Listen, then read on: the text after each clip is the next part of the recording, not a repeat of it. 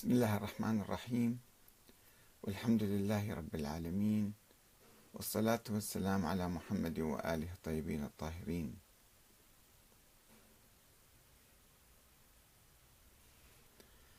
السلام عليكم أيها الأخوة الكرام ورحمة الله وبركاته. بعد قليل نبدأ بث برنامج الحوار المفتوح أنت تسأل وأحمد الكاتب يجيب.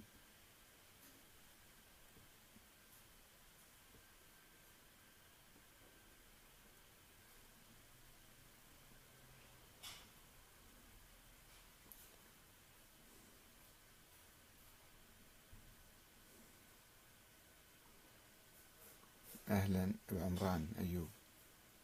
حفيدي عمران. يتابعنا من جنوب لبنان.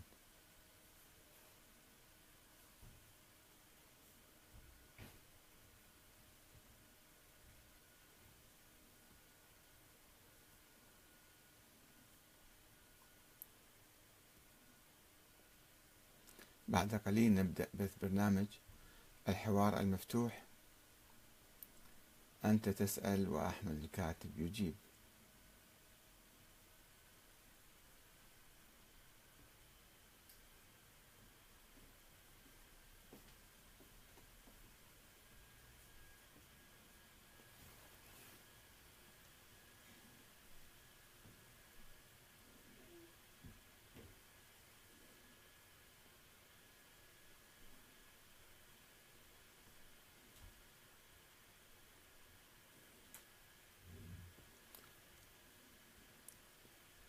أرجو التفضل بكتابة أسئلتكم حتى نجيب عليها بعد قليل.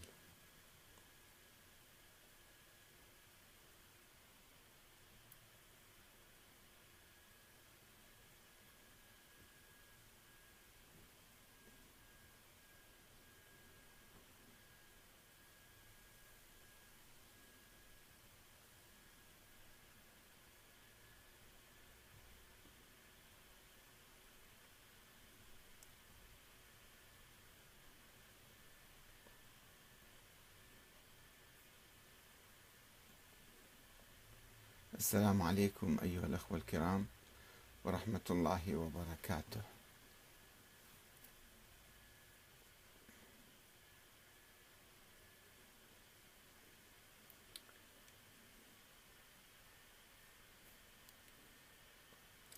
قبل أن نأخذ أسئلتكم آه، الكريمة وعندي أسئلة من يوم أمس أو من خلال هذا اليوم أيضا من خلال الحوارات التي جرت مع بعض الأخوان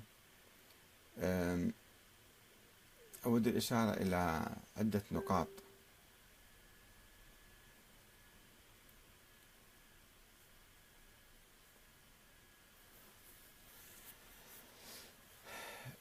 يمكن لاحظت أن الشيخ حسين غفر الله له ولنا يعني يفكر في حالة انفعال.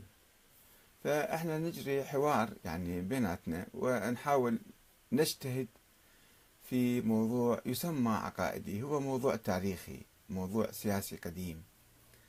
اصطبغ بصبغة العقيدة وأصبح جزءا من عقيدة الشيعة وهو موضوع بحد ذاته موضوع سياسي أن الإمامة لمن وما هي صفات الإمام أو الحاكم وكيف يعين الإمام ومن يعين, يعين الإمام هل يشترط فيه العصمة أم لا يشترط فيه العصمة؟ هذه أبحاث جدلية سياسية دستورية بالحقيقة إذا نعرفها بالتعريف الحديث هي مواضيع سياسية دستورية كانت مطروحة قبل 1400 سنة 1300 سنة.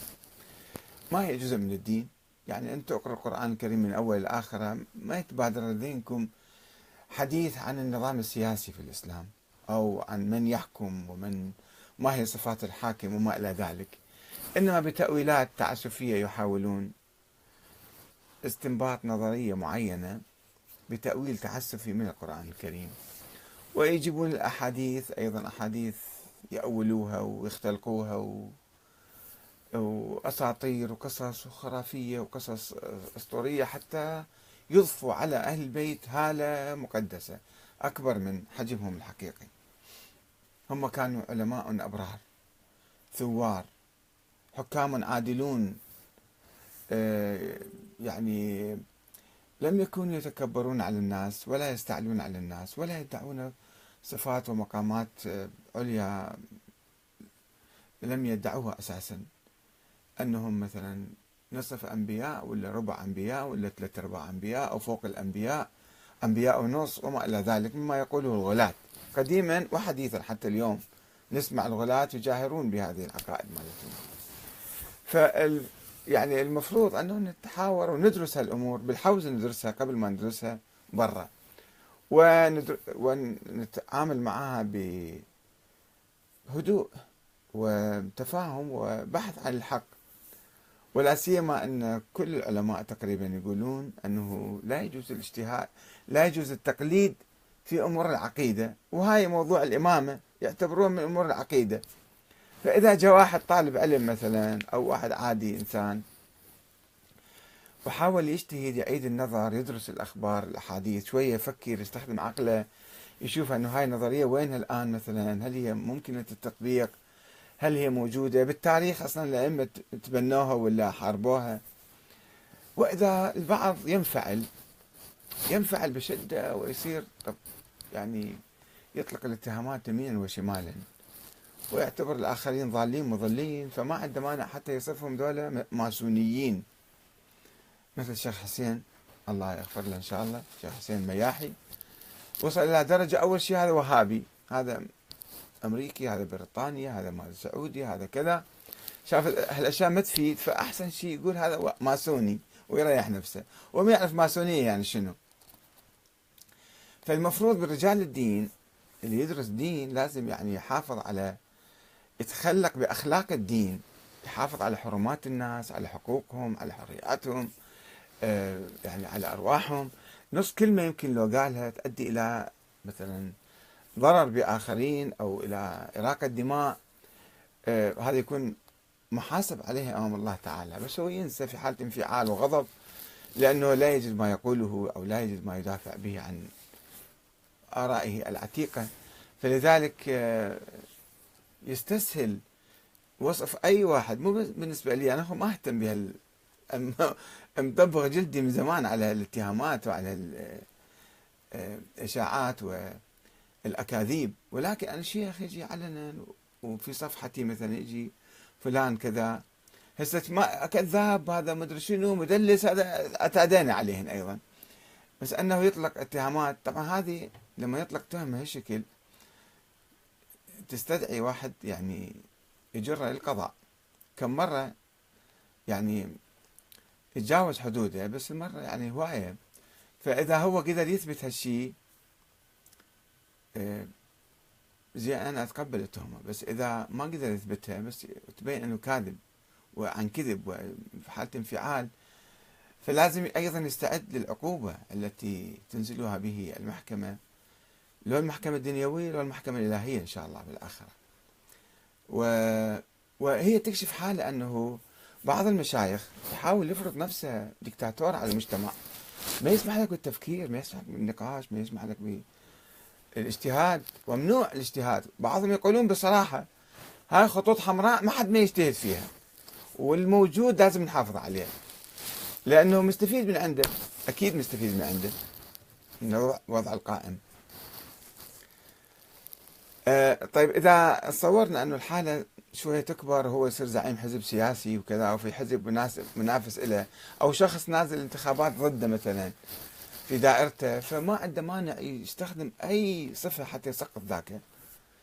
ويسويه كافر فاسق ضال مضل كذا ماسوني مدري شنو كذا. بس المهم يسقطه حتى هو يفوز ويسيطر على المجتمع. وفعلا أنا كتبت أيضا مقالة بعد داعش احذروا دكتاتورية المشايخ. دكتاتورية المشايخ مو دكتاتورية عادية مثل الحكام العسكريين لا وإنما مغلفة بغلاف الدين ما يخليك تفكر ما يخليك يعني تناقشه أو أو تحكي معاه كلمة هو يمثل ظل ظل الله في الأرض ونائب الإمام المهدي بعد شلون تحكي وياه أنت؟ وقلنا إحنا ليش نبحث هذه الأمور؟ نبحث موضوع الامامه الإلهية أو نبحث موضوع آه، وجود الإمام الثاني عشر لأنه هاي النظريات سوت لنا مشاكل عبر التاريخ وإحنا جايين الآن بعد 1400 سنة من التاريخ الإسلامي. أولا ألف سنة الشيعة نايمين. نايمين وممنوع واحد يسوي عمل.